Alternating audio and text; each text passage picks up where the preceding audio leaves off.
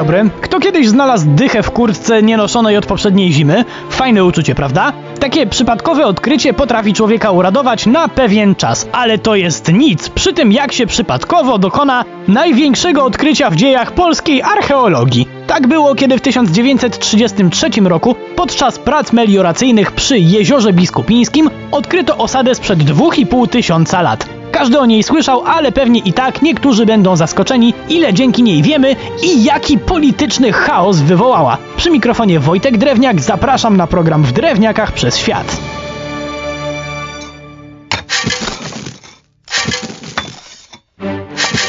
Niesamowite zbiegi okoliczności przy okazji odkrycia biskupina nie kończą się na samym natrafieniu na dziwne drewniane pale przez ekipę robotniczą, bo niewykluczone, że mający inne priorytety pracownicy nie doceniliby potencjału archeologicznego owego odkrycia. Na szczęście lokalny nauczyciel historii, pan Walenty Schweitzer, był maniakiem starożytności i jemu nikt nie musiał tłumaczyć, co to wszystko mogło oznaczać.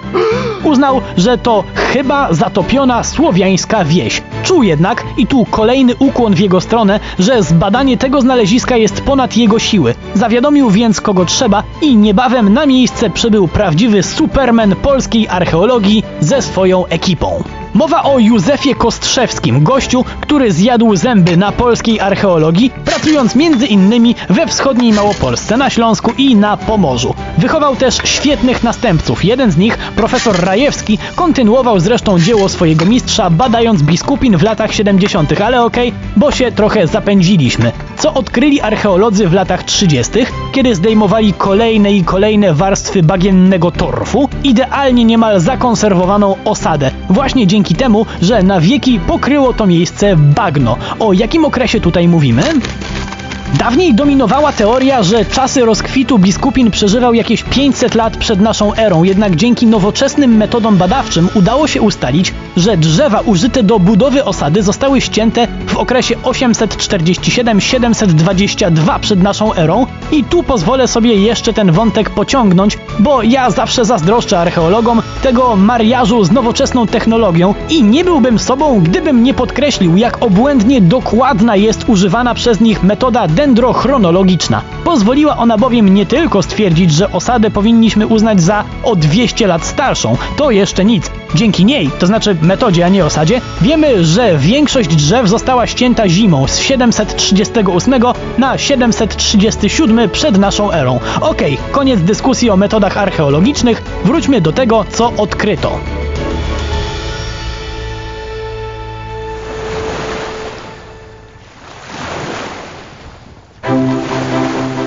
Zacznijmy od najważniejszego. Biskupin leżał na wyspie pośrodku wcale nie małego jeziora, co doskonale zabezpieczało to miejsce przed niechcianymi gośćmi. O ile położenie na środku jeziora ma pewne plusy, tak umówmy się, że minusy również taki stan rzeczy generuje.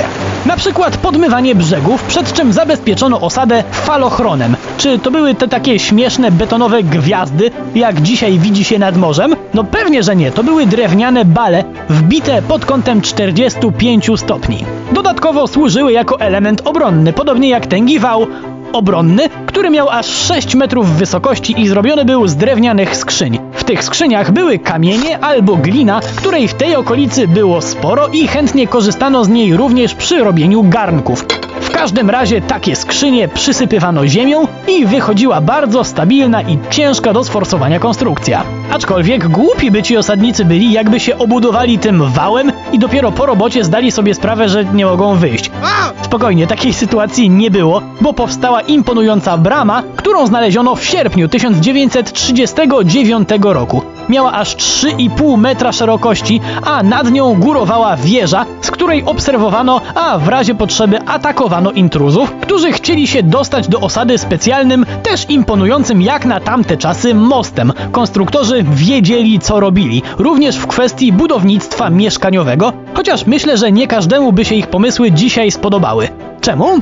Bo z zachowanych drewnianych podłóg, śladów po paleniskach i fragmentów ścian wiemy, że w Biskupinie było trochę jak w nowoczesnym osiedlu domków bliźniaków. Domki stały w 13 rzędach i miały wspólny, długi, trzcinowy dach. W każdej z takich izb mieszkała jedna kilkupokoleniowa rodzina, czyli że małżeństwo, ich rodzice i dzieci, a wszyscy spali w jednym łóżku. Tak jest i tutaj mogłoby paść z 70 żartów o teściowej, ale to nie festiwal mainstreamowych kabaretów, żeby tak loty zaniżać.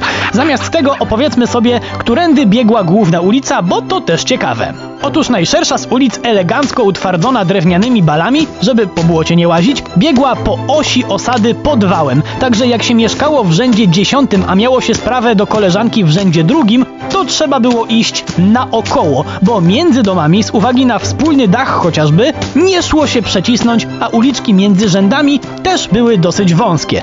Podobnie wąskie mamy pojęcie jaki ustrój panował w tym imponującym miejscu. Jest pewna dziwna teoria, ale o niej, podobnie jak o życiu codziennym mieszkańców Biskupina, o którym wiemy znacznie więcej, opowiemy sobie już następnym razem. Przy mikrofonie był Wojtek Drewniak. Do usłyszenia.